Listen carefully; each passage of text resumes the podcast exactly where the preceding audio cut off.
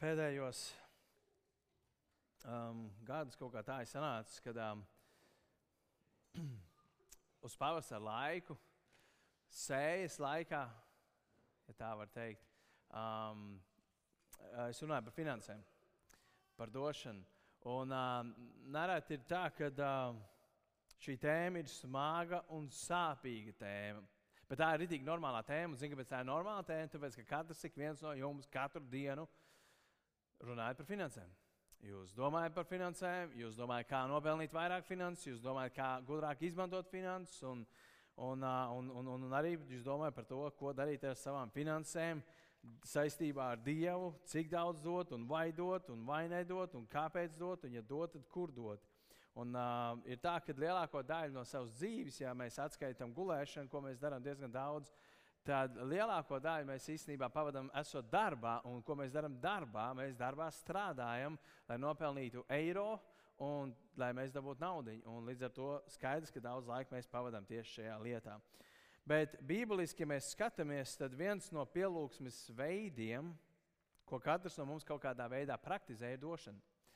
Es iesākšu ar piemēru. Um, viena, viens mācītājs stāstīja tādu stāstu, kad uh, Uh, viņiem draudzē bija viena tā tantiņa. Un katrā draudzē ir viena tā tantiņa, bet mums nav tādas tantiņas. Tāpēc, ka mums vēl nav tāds vecums nevienam cilvēkam mūsu draudzē. Mūsu draudzē oficiāli nav neviens pensionārs. Es pat nezinu, tas ir labi vai slikti. uh, un šī, šī tantiņa vienā dienā ar tām brīlēm, un viņš redz, ka viņi nesās pie manis pēc dievkalpojuma, un es saprotu, es esmu kaut ko izdarījis. Viņi man kaut ko tulīt rās, bet viņi vienmēr bija ļoti laipni. Viņa pienāk un saka, klausies, jaunais cilvēks. Viņš saka, es biju jauns, tā iepratīja viņai. Viņa saka, tu nepateici, kad ir jāsavāc kolekti. Viņš saka, nu, mēs jau kādu laiku nevācam kolekti, mums aizmigrēja kastīgi, kur nolikt. Jā, jā, es zinu, bet tu arī neteici, ka ir tāda iespēja. Viņš saka, ah, jā, laikam aizmirs. Jā. Viņš saka, es tev pateikšu vienu lietu, un viņš teica, tos nekad neaizmirsīšu, ko viņš man pateica. Viņš teica, es tev pateikšu vienu lietu. Došana priekš manis ir pielūgsmes veids. Un tad, kad tu neizziņo, kad es, kad, kad var nākt, tad man ir sajūta, ka tu man nozodz vienu no pielūgsmes veidiem. Jo, ja mēs domājam par došanu, mēs vienmēr domājam, ok, naudas lietas, naudas lietas, ok, baznīca un nauda. Bet nauda, tas, par ko es gribu runāt saistībā ar draugu, patiesībā viņi vispār nav par finansēm. Viņi ir par uzticību. Un tad mēs apskatīsimies par to šajā, šajā, šajā uh, pēcpusdienā. Paldies Ievai, kurā uh, arī pateica labrīt, draugs. Man bija tāds, yes, es vienīgais nejaucu. Bet es nepateicu labrīt, es pateicu labdien. Bet uh, ir baznīca, kur par finansēm runā katru nedēļu, un ir baznīca, kur par finansēm runā reizes divos gados. Un abi ir kaut kādā ziņā. Um, varbūt tāds grāvi, atkarībā no cik daudz runā. Un, uh, un tas ir, protams, saistīts ar negativitātēm, tas saistīts ar draugiem, tas ir saistīts ar kādiem mācītājiem, kur braukā uz 65 miljonu privātiem lidmašīnām, un kuram ir gradzens lielākā vērtībā nekā šī jēga un, un tam līdzīgas lietas. Un, um, Finanšu došana ir uh, ļoti garīga lieta. Un ko jūs teikt, ja jums pateikt, ka finanšu došana ir māceklība? Ka tā ir māceklība. Ka tā ir daļa no tā, ko nozīmē būt par kristieti. Proti, māceklis ir tas, kuram Jēzus ir pirmajā vietā. Piekritīsiet tam, kuram Jēzus ir pirmajā vietā. Un, ja Jēzus nav pirmajā vietā tavās finansēs, tad viņš nav tavā dzīvē pirmajā vietā. Jo dažreiz cilvēki saka, parādi man, kur tu izlieto savus finanses, un es pateikšu, kas tev ir svarīgs. Es pateikšu, ko tu mīli, es pateikšu, ka, ka, kur tavs finanses aiziet, un tad es redzēšu, man, kas tev ir svarīgs. Dievam nav problēmas ar finansēm. Dievam netrūks naudas, jo Bībelē rakstīts, ka viņam pieder visa zeme viss debesis un viss, kas to pilda. Tu, es, tavs maks, tavs īpašums, viss pieder Dievam. Dievam nav problēmas ar finansēm, bet mums ir. Mums ir. Tāpēc šodien apskatīsimies, ko Bībele saka par ziedošanu. Tie, kas jau no jums esat ilgus gadus draudzē, jā, mēs četri pus gadu draugi. Tie, kas jūs esat par lielam pirmajā gadā, man šķiet, es mācīju um, par finansēm. Un, Jūs atcerieties, ko es esmu teicis, un tāpēc es iedošu ļoti ātri, nelielu atkārtojumu, lai visi esam uz vienas lapas. Vecajā darbā bija obligāti došana, un, ja mēs paskatīsimies, patiesībā tur bija vairākas um, vairāk ziedojumu, kas patiesībā bija jāziedo, ja pāris desmitās tiesas, kas bija jāziedo, tur bija kaut kas jāziedo imperatoram, jeb ķēniņam, vienalga, kurā laika posmā, Bībeles laikos mēs runājam, tad bija jādod kaut kas templim, tie 10%, lai templis tiktu uzturēts. Jo, atcerieties, bija 12 cilts, 11 ciltīm izdalīja īpašumus, vienai neizdalīja īpašumu. Vienai Dievs teica, jūs būsiet mana kalpa, jūs kalposiet tā kungu namā, jūs kalposiet templī, un jums nebūs zemes gabala, kur apstādāt. Bet visām pārējām 11 ciltīm viņš teica, jūs iesiet strādāsiet, apstādāsiet laukus. Un, pirmatņus, pirmos augļus, pirmos no visa 10% jūs uh, 10% no ķim, ķem, ķimenēm, un dilēm, un, un aboliem, un kartupeļiem, un graudiem, un visa, kā jūs nesīsiet manā namā. Un no tā pārtiks tie levīti, tā cilts, kurai nav iedzīts īpašums. No vienas puses, mēs teiktu, tas ir ļoti godīgi. Un, uh, tas bija vecajā derībā, tāds bija likums. Un, ja mēs īstenībā paņemsim un saliksim kopā visus ziedojumus, kas bija vecā derībā, tad viņi sastāv aptuveni 23 līdz 28%. Nu, kā, nu, tur, jo, tur viss nav ļoti skaidri pierakstīts. Aptuveni 23 līdz 28%. Un, ja mēs paskatīsimies arī Latvijā, visā pasaulē, īstenībā tas ir tas, ko katrs cilvēks maksā. Tikai viņš to maksā valstī un tam līdzīgi. Uh, un tā bija, protams, brīvprātīgie ziedojumi, kurus viņi varēja ziedot, kad viņi gribēja un kā viņi gribēja. Un, un vecā derībā, jā, tur ir rakstīts, nesiet savu desmito tiesu pilnā apmērā un tam līdzīgi un tā tālāk. Un tā tālāk. Raksturītis, kur mēs līdz apskatīsimies, ir Romas vēstures 7. nodaļa. 4. pāns, kur rakstīts, tāpat ir jūs, mani brāļi. Līdz ar mīsīgo Kristu esat nonāvēti bauslībai un piedarat citam, tam, kas ir uzmodināts no mirušiem. Miro, mirušiem. Tāpēc nesīsim augstu Dievam. Šī raksturība parāda to, ka mēs ar Jēzu Kristu ticēdam uz viņu esam nonāvēti bauslībai. Tas nozīmē, ka mums vairs nav jācenšas dzīvot pēc vecās derības, pēc bauslības, Bet tas nenozīmē, ka mēs drīkstam pārkāpt laulību. Tas nenozīmē, ka mēs drīkstam zakt, drīkstam melot, drīkstam citus dievus turēt savā priekšā, drīkstam neklausīt saviem vecākiem. Tas būtu jāsaka bērniem, kas ir tur sēdienas skolā lejā.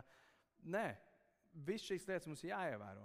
Bet ar šīm lietām, ja bauslību pildot, mēs nevaram uh, iemantot mūžīgo dzīvību. Bet caur Jēzu Kristu mēs esam nomiruši bauslībai. Mēs vairs necenšamies neko nopelnīt, jo Jēzus Kristus ir viss izdarījis. Un tāpēc mēs esam savā ziņā brīvi no vecās derības bauslības. Un vēl viens, kas būtu, vai tiešām. Jā, līdz ar to no balsības viedokļa mēs varētu teikt, no vienas puses, ka mums vairs nav jādod 10%, jeb desmitā tiesa, bet no otras puses, jaunajā darbā mēs esam padoti citai bauslībai, ja tā var teikt, žēlastībai. Mēs esam padoti žēlastībai. Ja jūs atceraties, tad kādreiz senojos laikos, 2020. gada sākumā, sākās pandēmija, un mēs pirms tam mēs um, kolektu laidām apkārt. Atcerieties tos laikus, kad pārstāvis bija Jānis vai Mārtiņš, kurš gāja traukiem cauri zigzagā, lai nevienu neizlaistu, lai obligāti no visiem iekasētu nodokli. Tā nebija. Ne. Uh, un mē, mēs to darījām. Un mēs to pārstājām darīt, tāpēc, ka sākās pandēmija, bija jāievēro divu metru distance un tehniski basketbolu spēlēt mēs negribējām. Un mēs vienkārši to pārtraucām. Un patiesībā man tas no vienas puses patika, tāpēc, ka ir stūbi, ka tikai tāpēc, ka tev gar degunu noiet gros, bet tev sirds nav, lai tu dotu. Un tev ir kaut kas jāiemet, un tu vienkārši iemet, vai tu dažreiz pat varbūt tās notēlo, ka tu iemet kaut ko, ieliec tukšu roku un izņem ārā. Dažādi visādas lietas dzirdētas un tam līdzīgi. Bet realitāte tā, tāda ir, ja tavs sirds nepieder Dievam un Jēzus nav pirmais, tad tava došana nenāks no sirds un tam nav nekāda jēga. Mēs varētu teikt, nē, tam ir jēga. Jā, mums kā baznīcai, tā, jūs ziedojat, protams, tam ir jēga, jo tā nauda ienāk iekšā, bet tev nav nekāds labums no tā. Tev absolūti nekas no tā neatlaiž. Jo, ja tavas finanses nepieder Dievam, tad tā došana nav no sirds. Un es gribu jums pateikt vienu lietu. Dievam nav vajadzīga tava nauda, viņam vajadzīga tava sirds. Vispirms. Ja Dievam nepieder tavs sirds, viņam nevajag tavu naudu. Un to ļoti svarīgi saprast. Jo Dievam nav vajadzīga dāvana, kas nāk no skopuma, no rūkuma, kas nāk piespiedu kārtā, kas nāk grūti. Dievam tas nav vajadzīgs. Dievs grib, lai mēs dodam ar priecīgu sirdi ar priecīgu sirdi. Un, ziniet, no vienas puses jautājums jau ir, man, nu, cik tad man ir jādod? Un daudz labāk būtu, ja Bībelē būtu rakstīts pāns, un tas būtu jaunajā darbā, un ideāli variantā, ja to teiktu Jēzus, ja nē, tad Pāvils, dodiet tik. Un mums būtu ļoti viegli. Mēs vai nu paklausītu, vai nepaklausītu. Ja mēs iedodam, tad mēs iedodam, un, un otrādi, ja neiedodam, tad, protams, neiedodam. Un līdz ar to beig beigās mēs nonākam pie tā, ka uh, ir divas kategorijas cilvēkus. Viens cilvēks, kas dod 10% no saviem ienākumiem, un tad, kad viņš viņus ir iedevis, viņam ir tāds, hei, es to esmu izdarījis, viss, man vairs nav nekas jādod. No otras puses, cilvēks, kurš nedod, Un viņš varbūt tās jūt visu laiku šo vainas apziņu, ka viņš nespēja dažādu iemeslu dēļ dot, vai nu viņam trūks ticības, vai viņam vienkārši viņš grib vairāk priekš sevis, un viņš nespēja dot tos 10%. Viņš dod varbūt tās piečuku vienkārši, nezinu cik procents, 0,8%. Un, un, un, un viņš, viņš nespēja dot, cik viņam vajadzētu. Viņš jūtas vainīgs, un abas šīs vietas ir nepareizas, jo Dievs grib, lai mēs ar priecīgu sirdi dodam. Un tāpēc mēs apskatīsimies, ko Pāvils māca uh, korintiešiem. Uh, saistībā ar došanu. Un es izlasīšu, šai brīdī jums nebūs teksts uz ekrāniem, bet ik pa brīdiņam jums būs, viņš parādīsies. Bet es vienkārši šajā brīdī nolasīšu no 2. korintiešu vēstules 9. nodaļas, 6. līdz 11. pantam. Un es aicinu, ka jūs sekojat līdzi uh, savos, jāsaka, tā, telefonos, ideālos variantos, Bībelēs. 2. korintiešiem 9, 6 līdz 11. Šī būs tā rakstura, ko mēs pāris apskatīsimies.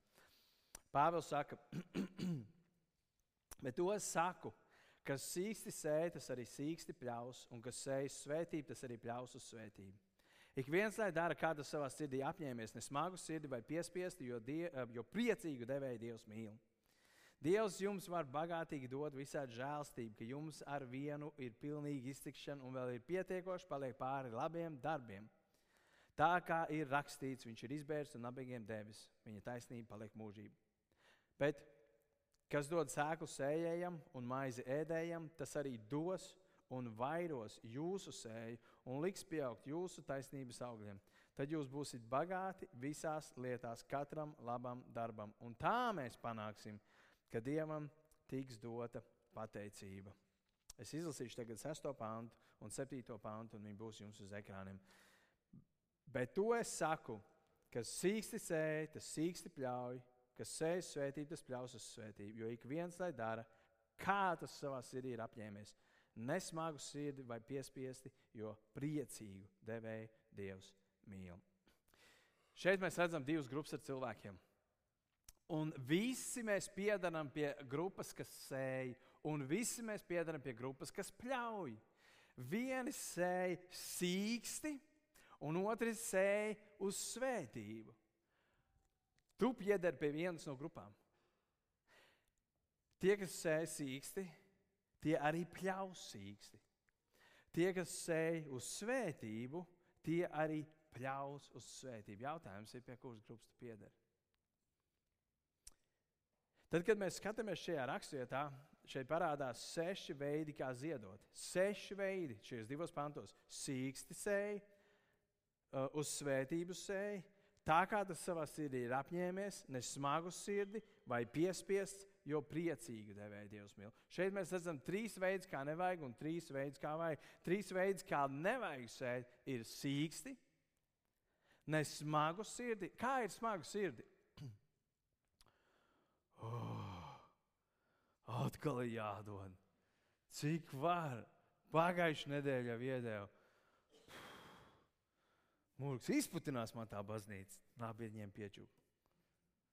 Vai piespiest? Kā mēs piespiest varam dot? Piespiest mēs varam, ka mācītājs saka, ja jūs nedosiet, jūs degsiet ēlas ugunīs. Jo Bībelē ir rakstīts, ja jūs nedosiet, jūs būsiet nolādēti. Tu būsi nolādēts, tu būsi nolādēts, tāpēc dod naudu. Un cilvēks negrib būt nolādēts. Viņš saka, labi, ir vienkārši sieva dod, cik viņš saka. Kā mēs vēl varam piespiest kārtā dot, lai citi tev slavētu? Oh, redz, kā viņš daudz dod. Oh, redz. Un tu piespiedu kārtā dod, bet lai citi redzētu, cik tu dod. Mēs varam ļoti dažādi dot. Tas ir veids, kā nevajag dot. Un tad ir trīs veidi, kā vajag dot. Dot uz svētību, vai dot tā, kā tas savā sirdī ir apņēmies, tik cik tu savā sirdī apņēmies. Un pēdējais ir priecīgu devēju Dievs mīl. Priecīgi devēju Dievs mīl. Rezumēji tāds, un tas ir smagi. Tad, kad tu dod, tad, kad tu ziedo, tev ir jābūt priecīgam. Vienkārši tev ir jābūt priecīgam, laimīgam. Yes! Man ir atkal iespēja ziedot, man ir atkal iespēja dot. Un tad, kad tu dod no sirds, tad, kad tu dod no sirds un priecīgi, nav iespējams dot piespiedu kārtā Nav iespējams dot ar smagu sirdi, un nav iespējams dot sīksti, jo tu dod ar priecīgu sirdi. Ziniet, dažreiz cilvēki saka to, nav svarīgi, ar kādu sirdi tu dod. Vienkārši dod, dod. Un kaut arī kristietība nav balstīta emocijās. Piemēram, šodien es jūtos, ka es esmu stūs dievam, rītdien es sataisu sūdu, sagrākojos. Man liekas, ka Dievs man ir atmetis un es esmu ceļā uz ēlu. Un tā katru dienu vai katru mēnesi sagrākojos slikti, labi nodzīvoju dienu, o, super, tagad Dievs man mīl. Un mēs dzīvojam visu laiku iziet no emocijām. Tā nav. Tā nav kristietība. Mums ir jādzīvo uz apsolījumiem. Bet tad, kad runa iet par došanu, ir svarīgas emocijas. Un ziniet, kāda emocija jābūt? Priecīgai sirdī. Priecīgai sirdī. Tā ir tā emocija, kas ir svarīga. Jo tie ir rakstīts, priecīgu devēju Dievs mīl. Jo redzēja, kas paliek, ja tu nedod ar priecīgu sirdi, Dievs netiek iepriecināts. Un ja Dievs netiek iepriecināts, Dievs nevar svētīt to, ka viņš nav iepriecināts. Viņš nevar svētīt. Dievam nav svarīga tava nauda, viņam svarīga tavs sirds. Dievam ir svarīga tavs sirds. Jo te ir rakstīts, tik cik katrs savā sirdī ir apņēmies. Un tas, protams, izraisa ļoti daudz jautājumu. Ok, super. Dievam ir svarīgi, ka es dodu priecīgu sirdi. Dievs man ļoti iepriecinātu, ja es varētu ziedot vienu eiro mēnesī. Es vienkārši būtu priecīgs, jo man būtu vairāk priekš manis palikt. Tu vari ziedot vienu eiro. Tu tiešām vari ziedot vienu eiro. Tu vari ziedot arī desmit centus, un tu vari ziedot arī vienu centu. Absolūti, tu vari to darīt. Tik atcerieties, kurš sīgs sēž, sīgs pļaus. Un viens puses liekas tā, jā, nu labi, mēs vēlāk parunāsim par to, cik jāziedo. Jo es zinu, ka tas būs jautājums. Pāvils Filipiešiem, kad viņš rakstīja vēstuli 4. nodaļā, ļoti interesanti. Viņš runā par ziedojumu, tas ir finansiāls ziedojums. Viņš runā finansiāls un materiāls ziedojums. Un 16. pantā, Filipiešos 4. nodaļā, ir rakstīts, to, tur sākās nu, pāns ar to, tas ir domāts tā, tas ziedojums, tā dāma, ko jūs man sūtījāt, ko jūs uz Tesaloniku vairāk kārt sūtījāt manām vajadzībām. Nav tā, ka es meklētu dāvanu, bet es meklēju augli, kas vairotos jums par labu. Es visu esmu dabūjis un man ir pa pilnam. Esmu piepildīts, kopš saņēmu jūsu dāvanu, šo saldo smaržu, dievam pieņemam, patīkamu upuri. Tad, kad mēs apskatāmies uz korintiešu vēstuli, tur bija rakstīts, Dievs priecīgi devēju mīl. Tad, kad mēs nonākam šeit, šeit ir rakstīts, tad, kad mēs dodam, viņš saka, Nav tā, ka es meklēju to pašu, bet tad, kad tu dod, tas nezinu, notiek transformācija, notiek pārvēršanās, un tas tavs ziedojums, tā tavs finanses, viņš pārto par augli, kas te ir rakstīts, viņš vairojas jums par labu. Tas tiek pavairots, un tāpēc tam ir rakstīts, un kas tas ir? Salda smarža, dievam pieņemams un dievam patīkams upuris. Tad, kad tu dod, tas ir kaut kas dievam ārkārtīgi patīkams, smarža, saldu smarža, un tad tas vairojās tev par labu. Kad tu dod kā priecīgs devējs, tad notiek tas, kas ir rakstīts 8. pāntā. Dievs dara to. Izlasīsim, kas ir rakstīts 8. pāntā. Dievs var jums, un mēs ejam apakaļ, tas ir uz 2. korintiešiem 9. nodaļu. Dievs var jums bagātīgi dot visādu žēlstību, ka jums ar vienu ir pilnīga iztikšana un vēl ir pietiekoši paliek pāri labiem darbiem. Jūs zināt, kas te rakstīts? Un tas iet kontekstā ar to, ka viņš tikko ir pateicis, tas sīks tēvs, tas sīks pļaus, kas, svē, kas sēž uz svētību, tas pļaus uz svētību, nedod ar piespiedu kārtā vai ar smagu sirdi, bet dod ar priecīgu sirdi, tik cik savā sirdī es apņēmies. Dievs jums var bagātīgi dot visādi žēlstību, ka jums ar vienu ir pilnīga iztikšana. Kā jūs saprotat vārdus pilnīga iztikšana? Vai tu izdzirdot šos vārdus, tev šķiet, ka tev kaut kas pietrūks? Nē. Pilnīgi iztikšana, pilnīgi tas nozīmē, tev pietiks visam, tev pietiks, ko ēst, tev pietiks, ko ģērbt, tev pietiks, kur dzīvot, tev pietiks viss, kas tev ir ikdienā vajadzīgs, lai tu varētu dzīvot. Un te ir rakstīts, un vēl pietiekoši paliks pār labiem darbiem. Nē, tā nevar būt. Tāpēc, ka ja es došu vairāk dievam, tad paliks man mazāk, tad tehniski sanāk un matemātiski sanāk, ka man paliek mazāk pāri. Un es nevarēšu pa pilnam dzīvot, jo es jau tā knapi savā finanses kopā. Līdz ar to es nevaru atļauties neko dot, jo man jau tā ir maz. Bet te ir dots apsolījums, ka jums pietiks un paliks vēl pāri labiem darbiem. Tad, kad tu dod, te ir rakstīts, Dievs dod visādu žēlastību. 8. pāntā ir rakstīts, ko tas nozīmē. Problēma ir tajā, ka mēs domājam, ka Dievs ir kaut kāds. Um, spēļu automāts, kurā mēs varam iemest naudu, noraut kloķi, izvirs, esat čupar naudu. Yes, super, Dievs, paldies tev. Es Dievs iedevu, Dievam iedevu vienu, viņš man iedeva desmit, Dievam iedevu desmit, viņš man iedeva simts, Dievam iedevu simts, viņš man iedeva tūkstots. Super, Dievs ir tik labs, viņš reāli pareizi visa desmit. Wow, super. Bet te ir rakstīts, Dievs dod visādi žēlstību. Tas nozīmē, Dievs tev dos finansiāli. Dievs tev var atlīdzināt materiāli. Pagājušajā nedēļā man jau stāstīja, kā viņai Dievs izdarīja brīnumu un deva materiālu. Uh, ne finansiāli, bet materiāli. Dažreiz Dievs dod um, garīgi. Mēs bieži vien domājam, ka Dievs ir tāds, kurš zina, tu iedod viņam tik, viņš uzreiz pareizi. Kaut tas arī tā ir, tas vienmēr tā nedarbojās. Tāpēc, kad citā vietā ir rakstīts, cik jūs, cik jūs saņemat šeit uz zemes, simtkārtīgi jūs saņemsiet debesu valstībā. Tas nozīmē, to, ka mēs saņemsim daudz vairāk, kaut ko šeit, kaut ko debesu valstībā. Bet tā būs visādi žēlstība. Otrs te bija rakstīts, tev ar vienu būs pilnīga iztikšana, un trešais te paliks pārējiem darbiem. Un tas notiek. Tas viss notiek tikai tad, kad tu dod ar priecīgu sirdi. Līdz ko tas nav priecīgs sirdi, šie apsolījumi nedarbojas. Apskatīsimies uz Lūkas evanģēliju 6,38. Lūkas evanģēlijas 6,38 ir rakstīts, kādu ļoti labu vārdu, un Jēzus viņu saka, un, un tas ir apsolījums atkal, kur mēs varam, pat princips, es pat teiktu princips, finansiāls princips. Lūkas evanģēlijas 6,38. Dodiet, tad jums taps dots. Dodiet, tad jums taps dots. Pilnu, saspaidītu, sakratīt un pār pārīm ejošu mēru jums iedos jūsu klēpī. Jo, pamatojums, ar to mēru, ar ko jūs mērojat, jums atmērīs. Ziniet, es varētu likt komentāru. Tu izvēlēsies to, kā tu tiksi svētīts. Tu nosaka to, kā tu tiksi svētīts. Ar kādu mēru tu mērīsi, ar tādu tev atmēros. Ja tu dosi, tev dos pilnu, saspaidītu, sakratītu un pārpārim ejošu mēru, tev iedos tavā klēpī. Tu izvēlēsies, cik tu svētīts būs. Un man patīk, ko teica misionārs Eliots. Viņš teica, tas nav muļķis, kurš dod to, ko viņš nevar paturēt, lai iegūtu to, ko viņš nevar pazaudēt. Tas nav muļķis, kurš dod to, ko viņš nevar paturēt. Tu nevari paturēt finanses. Tu domā, tu vari investēt. Tu nopirksi īpašumus, tu nopirksi mašīnas, tu nopirksi vēl kaut ko, tu nopirksi biznesu, bet tu to nevarēsi paturēt.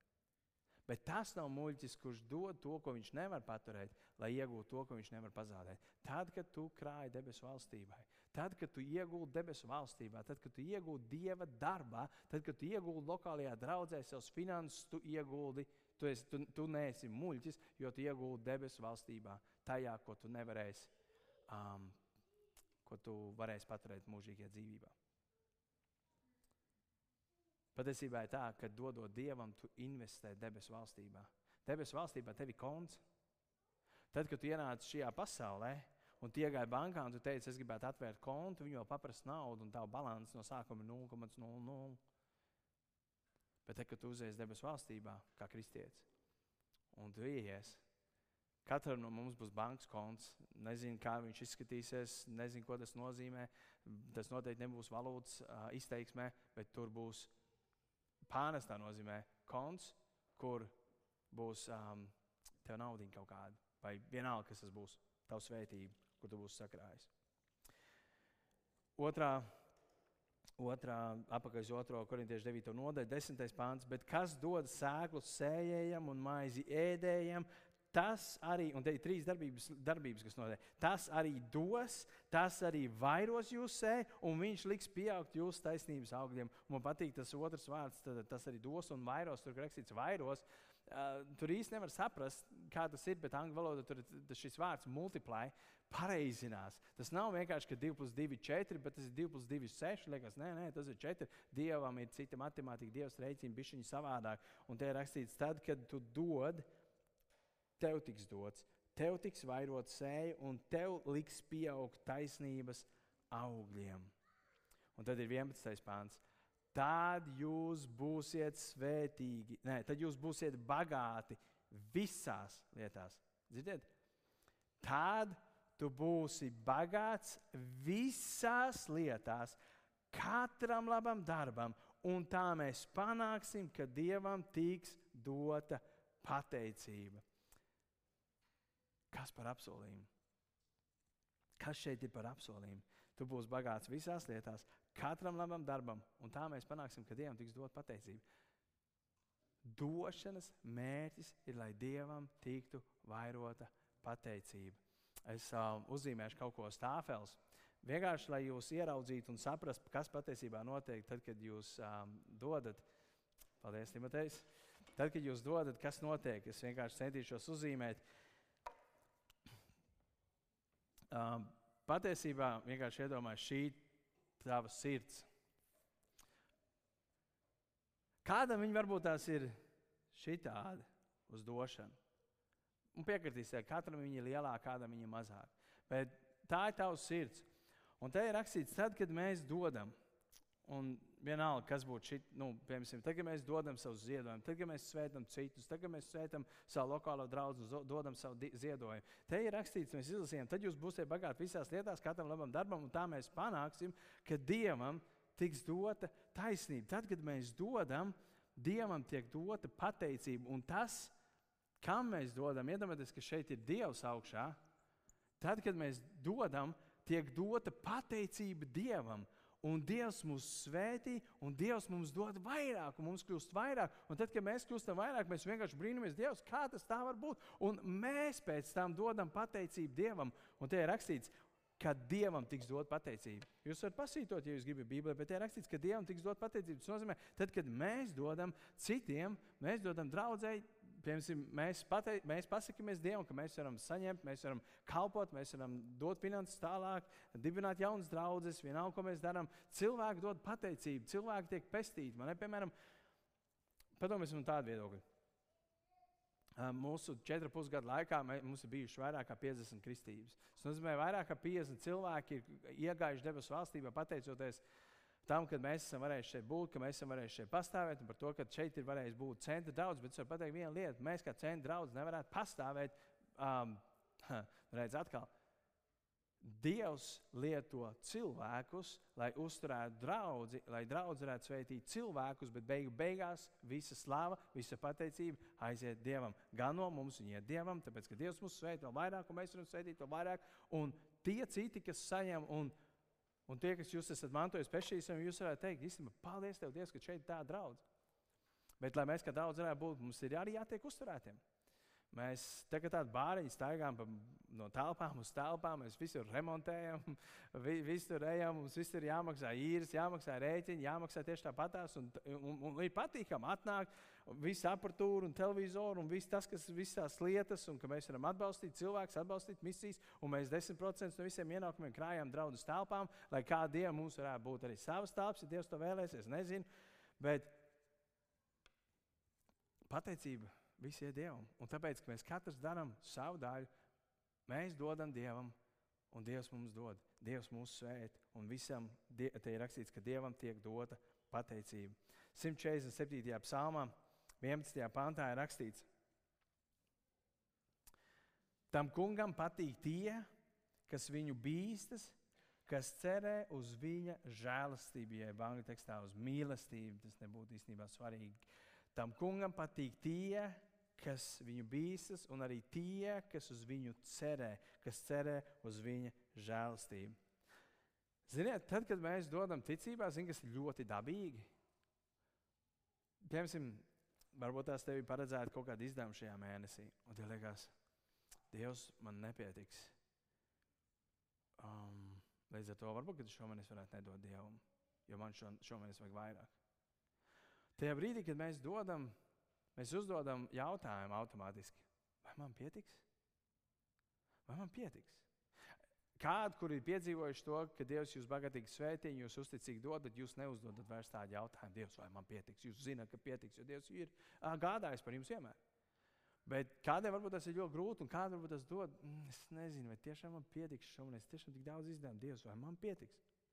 Bet te ir rakstīts, kad mēs dodam ticībā, skaties, Tad, kad tu dod ticībā un ar priecīgu sirdi, tu automātiski saki, Dievs, es dodu, bet es pilnībā ceru uz tevi, ka tu gādās par mani. Tas nav tā, Dievs, labi, es došu, ja gadījumā man nebūs, es paņemšu ātri SMS kredītu. Dievs saka, labi, es akceptēju. Tas tā nav. Dievs saka, nē, Dievs, es, tā, kad mēs dodam, mēs sakām, Dievs, es dodu, bet Dievs, es vienkārši reāli paļaujos, ka tu gādās par mani. Jo reāli pēc mana matemātikas man ne, nesanāks. Bet es vienkārši uzticīgi tev dodu. Un kas te ir rakstīts? Dievam patīk tie, kas cerē uz viņa žēlstību. Dievam patīk. Tad, kad tu spēr ticības soli un saki, Dievs, es gribu dot upuri, kas tev ir patīkams, tad tas tu esi Dievam tīkams. Kā lai tēvs, kas debesīs, kurš gādā par putniem un puķiem, negādāt par tevi, vēl jau vairāk, ja tu viņam esi tīkams? Kā? Man liekas, ka tas vispār nav iespējams. Dievs, protams, ka viņš gādā. Vienmēr sakot, kad tu dod ar priecīgu sirdi, tev nekas cits neatliek, kā cerēt uz Dievu, kurš bagātīgi tevi svētīs. Kā rezultātā tev pietiks pilnīgi prieks, visa, visa tev būs pilnīga iztikšana un vēl paliks pāri labiem darbiem. Un rezultātā viss gods, viss slāva, viss pateicība Dievam, jo visi pateiksies Dievam. Tagad jautājums. Cik tad man ir jādod? Ko tu gribi pateikt un cik lielai jābūt tavai kolektei? Tas ir tas jautājums, ko iespējams daudz no jums domā. Es uzdošu tev pretjautājumu. Cik pateicīgs tu esi Dievam par savu pestīšanu? Labi, es īstenībā piebildīšu vēl. Varbūt tās, kad mūsu klausās, vai šeit klātienē kādi viesi, vai kas nav um, ne mūsu draugs, varbūt tās cilvēki, vai, vai, vai, vai jūs vēl meklējat kristietību, gribat iepazīt vairāk un tam līdzīgi, un jūs klausāties, tad liekas, ka šis tam ir jādod.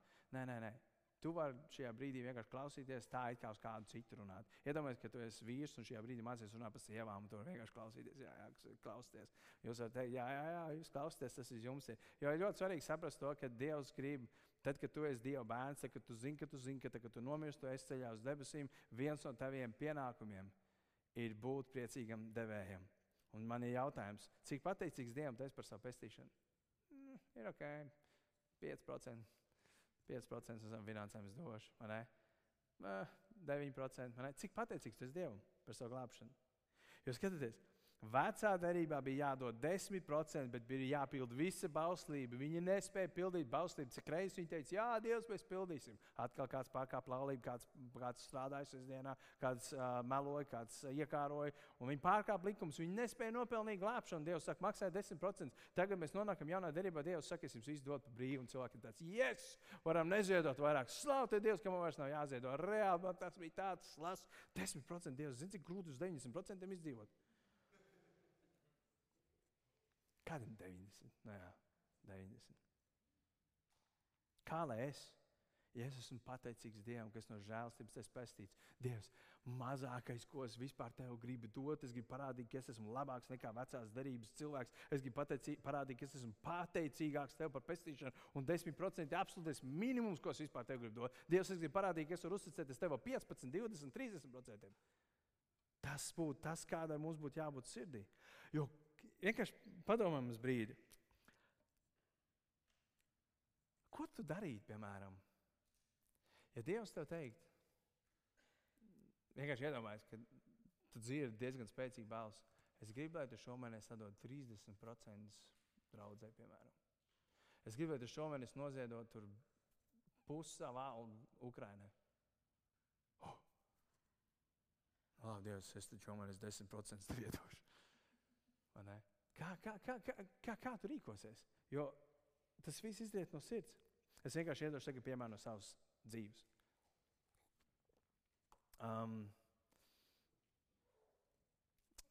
šī gada sākumā, nu patiesībā pagājušā gada beigās, es pa lielam domāju pie sevis. Es neesmu varbūt tik skrupulozi iegājis tajā, ka es katru gadu gribu celt, jo zinu, ka ir citi, un es pastāstīšu vēl kādu piemēru, kur cilvēki burtiski katru gadu ceļ. Bet es teicu Dievam, zinu, ka Dievs, es gribu reāli, es gribu šajā gadā pacelt savu došanu. Un man bija tāda iekšēja pārliecība, ka man tas ir jāpaceļ par konkrētu summu, jo es nedodu tā, ka es vienkārši vienu summu, ja es gribu, teiksim tā, es gribu dot 10% un vairāk, bet nekādā ziņā mazāk, un es dodu vairāk, un līdz ar to es saku, Dievs, es gribu pacelt, un es pēc tam reiķināju, Pa 25% to, ko es devu, es gribēju pacelt pa 25%. Nevis uz 25% no saviem visiem ienākumiem, bet uz 25% palielināt. Un tas ir daudz priekš mums. Un es jums varu pateikt vienu lietu. Um, tad, kad es sāku dibināt draugu, tad, kad mēs nodibinājām šo centra draugu, bija tā, ka es aizgāju projām no iepriekšējās draudzes un saņēmu pēdējo algu. Un visi ienākumi, kas mūsu ģimenē bija, piecas gadus atpakaļ, bija pirmie trīs mēneši 300 eiro bezdarbnieki. Tie bija visi vienīgi mūsu ienākumi. Skaidrs, ka mēs tajā laikā diviem bērniem nevarējām izdzīvot. Un bija tāds, Dievs, kā mēs izdzīvosim? Un Dievs visu laiku ir svētījis. Un visus šos gadus mūsu teiksim, dzīves līmenis ir lēnām, lēnām gājis uz augšu. Un tad bija tā, ka um, kaut kādos pirmajos mēnešos, kad mēs sākām draugus, tajā laikā mm, Sauls ar Zanu bija. Viņa teica, zini, ka tom nav jēga, kad mums ir baznīca, ja mācītājs reāli nomirst badā. Līdz ar to mēs vienkārši gribam no kolekts uh, 100 eiro vienkārši dot nedēļā um, jūsu ģimenei. Un tad bija reize, ka kolekta bija 90 eiro. Es teicu, nu, tad 50. Kolekta pat nebija tik liela, lai varētu uh, samaksāt. Un tāds bija sākums. Viņš bija ļoti grūts, bet Dievs retīgi svētīja. Un visus šos gadus ir reāli bijis gājis uz augšu, bet vienmēr bijis tā, ka ir bijis, ka tu gaidi to reāli to augstu dienu. Tev, tev, tev pietiek, bet tev liekas, ka pirmo reizi es tagad vēl palielināju, un es teicu, Dievs grib uzticēties un dot. Un pirmo reizi uh, marta mēnesī man ir uh, iekrājums izveidojies, kur pirmo reizi pēc daudziem gadiem mums ir izveidojis iekrājums. Man liekas, wow, finansiāls iekrājums. Es tāpēc citu domāju, ka, ok, super, tā tad es palielināšu par 25%, un tad man būs iekrājums. Es jums to nesaku. Es vienkārši saku, kādu ticības soli es personīgi spēru šī gada sākumā, un es teicu, Dievam, Dievs grib dot vairāk. Neskatoties to, ka ir pandēmija, neskatoties to, ka ir grūti laiki un tu nezini. Un neskatoties to, ka mēs tajā brīdī nenācām kopā klātienē un vispār ienākumu mūsu draugiem, man teiksim, klātienē vispār bija gan īsti nekādi. Tik cik jūs ziedojāt internetā, jūs ļoti labi esat ziedojuši, un, un, un tā ir pateicība jums. Bet tas bija tāds mans, kur es piedzīvoju, ka Dievs tiešām arī, jo skaties, došanai jātiek darītai ticībā. Tas ir ticības jautājums. Tas nav finansiāls jautājums. Tas nav par to, ka es paņēmu kalkulātoru un domāju, Dievs, cik es varu dot. Tas ir ticības jautājums, vai tu uzticies tad, kad tu dosi, Dievs svētīs. Angļu valodā viens teiciens. It's impossible to outgive God. Latviešu valodā viņš vispār netulkojas. Doma ir, nav iespējams dot vairāk nekā Dievs dod tev. Nav iespējams dot tik daudz, ka Dievs teiks, jau klausies, stop, Es nezinu, kur tā nauda likt. Man vairs nav ko tev dot. Es nezinu, kā lai es tev sveitu atpakaļ, tu tik daudz man dod. Sālam, bet ko es gribu teikt? Ja tu dod 1% piemēram, no saviem ienākumiem, tad tagad aizies mājās un paskatīsies vidēji, dod, dod ak, šausmas 1% tikai dod. Um, tas neprasa ticību. Ja tu dzīvo no 99%, kāda ticība tas prasa? Tas neprasa ticību. Bet tad, kad tu sāc dot, 10% un vairāk. Tas sāk prasīt ticību no tavas puses. Bet tas dos tev iespēju piedzīvot, kā Dievs gādā par tevi pārdabiskos veidos. Sāla pamācībās rakstīts 11. nodaļā, 24. pantā. Viens labprāt piešķir no savas mantas citam, un viņam paliek mazāk. Tā tur ir rakstīts? Nē, tā tur nav rakstīts. Un tomēr viņam ar vien vairāk krājas. Cits ir sīksts, pārlieku un tomēr kļūst ar vien nabagāks. Ko, kā tas tā var būt, ja tu patur te paliek vai, mazāk? Kā tas tā var būt? Bet te ir rakstīts, ja tu dod, tu paliec bagātāks, ja tu turi sev un nedod, tu paliec nabagāks. Tā ir dieva matemātika. Kā var būt, ka dodot projām man var palikt vairāk? Tas, ko es pieminēju, multiply, Dievs pavairos. Viņš pavairos, un kā neprasiet man, es arī plānoju Dievam paprasīt, Dievs, kāds ir iespējams, jo manā matemātikā daudz kas nav sanācis dzīvē. Dievam ir bijis iespējams. Viens mācītājs, kuru es paklausījos, jo es gribēju zināt, jo es zinu, ka viņš, viņš to bija teicis, es biju dzirdējis daudz gadus atpakaļ, un viņš ir pacēlis vēl 1%. Riks Vorens. Daudz no jums zināt, mērķiecīgs dzīves autors, un es um, noklausījos vienu no viņa pēdējām kaut kādā mēģinājumā atrast, nu, atrast arī šeit 19. gada tā bija, kur viņš jau bija pacēlis savu došanu otrā teikšu, viņš dzīvo no 9% un dod projām 91%. Mēs varētu teikt, tā, nu, jā, jā. Pff. Es jau arī varētu, viņš ir pirmkārt, viņa grāmatā mērķiecīgā dzīve ir visvairāk piktākā grāmata pasaulē, pārdotākā grāmata pasaulē. Un uh, mēs teiktu, nu, jā, miljonārs. Es arī varētu dzīvot no 100 štukām mēnesī, man ne, kur problēmas, man ir grūti. Bet kas ir ļoti interesanti? Tad, kad viņš sāka dot 10%, viņš tuvu nebija miljonārs. Viņš nevarēja savilkt rēķinus, viņš nevarēja daudzas lietas, viņam bija finansiāli diezgan grūti. Bet kas notika? Viņa apsolījās ar sievu. Katru gadu, katru gadu viņa pacels pa vienam procentam. Vismaz 1% katru gadu viņa pacels. Viņi kopā precējušies 44 gadus, man šķiet, viņš teica, tajā gadā tagad 46 sanāk, laikam. Um, un viņš teica, mēs katru gadu esam pacēluši. Citi gadi, kad bija grūti, reāli grūti, nu tā, ka tu saproti, tu, te, tu nevari, viņš teica, mēs pat par pusprocentiem esam cēluši. Citus gadus pat 3, pat 4 procentiem. Un tāpēc 44 gadiem viņš teica, mēs esam pacēluši, ka mēs dodam 91% no saviem ienākumiem. Un cilvēks saka, nu jā, tev jau ir daudz dots, tāpēc var daudz dot. Viņš saka, bet man tā nebija. Dievs redzēja, ka viņš man var uzticēties. Tev varbūt liekas, nu jā, ja man būtu tik daudz naudas, es arī dotu. Sāc dot. Sāc dot tagad. Mēs, mēs, mēs bieži vien sakām, man ir tāds teiciens, Dievs, ja tu man parādīsi Dievu, tad es ticēšu. Dievs saka, tic, un tu redzēsi. Mēs sakām, Dievs, um, um, ja tu man dos vairāk, tad es ar tevi došu vairāk. Dievs saka, tu sāc dot, un tad es tev došu vairāk. Dievs saka, tu spēr pirmo soli, es spēru otro soli. Bet Dievs jau ir apsolījis. Kas ir pats labākais? Mums ir apsolījums Dieva vārdā. Ja tu dosi, Dievs gādās, ja tu dosi, tev paliks pāri, ja tu dosi, tev būs pārpilnība, ja tu dosi, tev paliks pāri labiem darbiem. Tev pietiks, tev būs visādi žēlstība, ko vēl tev vajag, un pateicība visies Dievam, ko, ko, ko tev vajag. Dievs saka, dod. Salma pamācība, ah, un viena lieta. Tu teiksi, jā, bet man trūkst. Ja es varētu uzdot, jā, kas tev trūkst Dievā? Kā teiks, man trūkst finanses. Sāc dot Dievam finanses, un Dievs tev dos finanses. Viņš tev sētīs. Kas tev pietrūkst vēl dzīvē? Laiks trūkst. Sāc dot laiku Dievam. Varbūt kādam jums liekas, man laiks vienkārši trūkst, bet sāc kalpot. Sāc kaut ko darīt ar savu laiku, sāc viņu izmantot debesu valstībai, jo Dievs tavu laiku pavairos. Tad, kad viņi pavairo pasaules lietām, savām lietām, savām vajadzībām, tev laiks pazūd, un tu domā, kā var tā pazust laiks? Un tad ir citi cilvēki, kur pašaizliedzīgi kalpo un liekas, kā viņi to var paveikt, kā viņiem tas ir.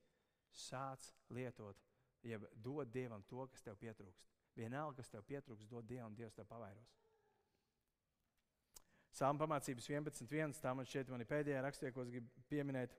Vēl vienu piemēru, ko es īstenībā gribu vēl pieminēt, pirms pēdējais rakstīts. Džons Vezlijs. Esat visi dzirdējuši. Metodijas draugs dibinātājs dzimis 1703. gadā. Sāk strādāt 1731. gadā. Gada alga viņam bija 30 mārciņas. Ne jau 1000. 30 mārciņas, bet tas ir 700. gads, līdz ar to, protams, 1700. Sāk strādāt 30, 1731. gadā, gadā saņem 30 mārciņas. Dievam viņš deva divas mārciņas un dzīvoja no 28 mārciņām. Nākamajā gadā viņa alga tika dubultot, un viņš saņēma 60 mārciņas. 32 mārciņas viņš deva dievam, un 28 viņš paturēja sev.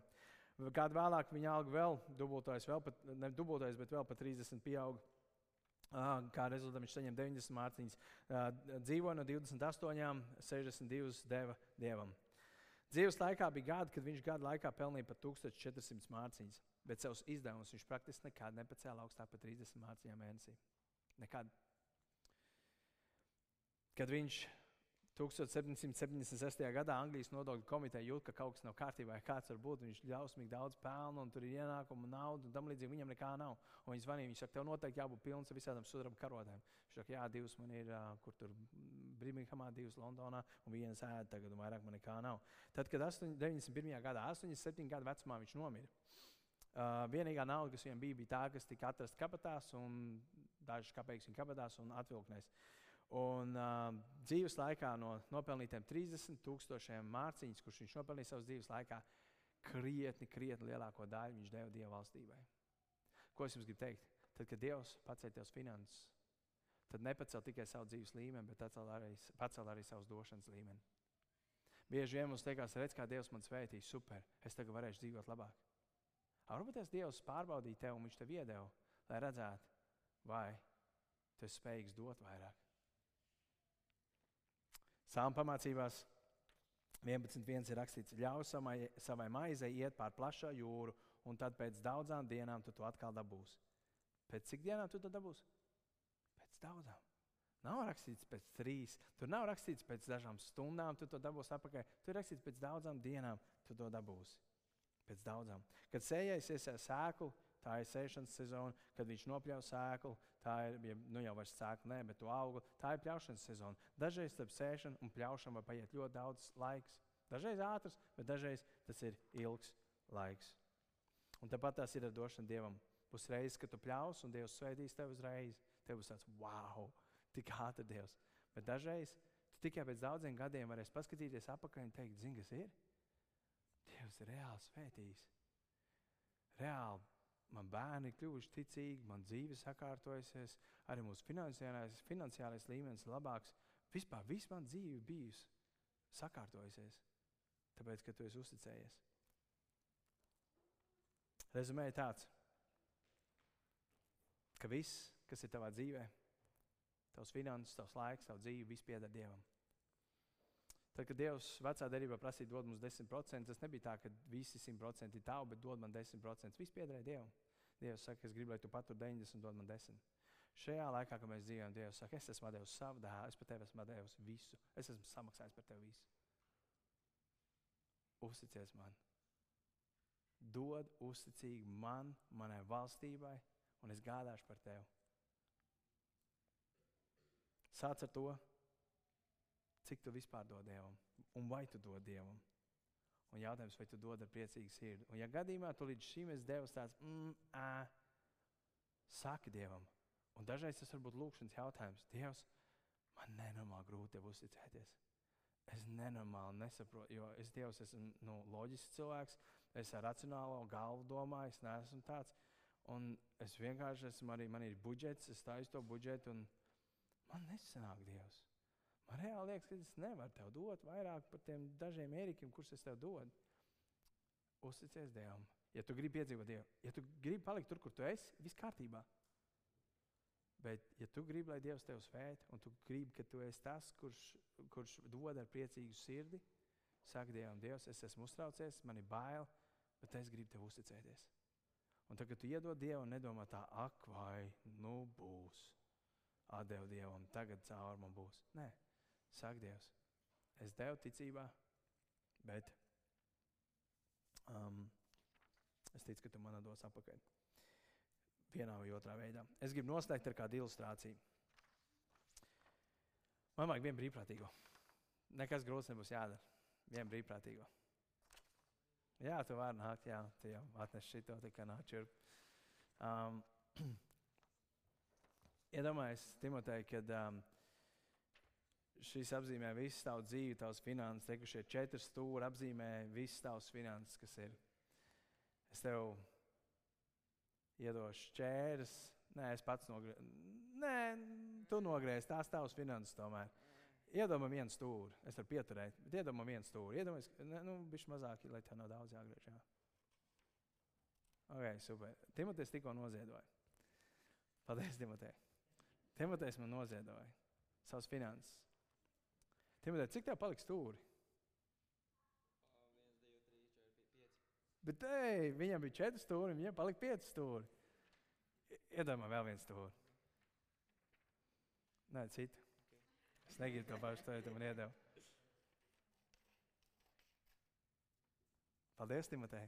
Timotejs noziedoja. Man ir divi, Dievs, man, viņš man iedod divus. Iedomājieties, ka es esmu Dievs, bet neesmu Dievs, bet es esmu Dievs un viņš ir tas uh, manas dēla glābtais grēcinieks.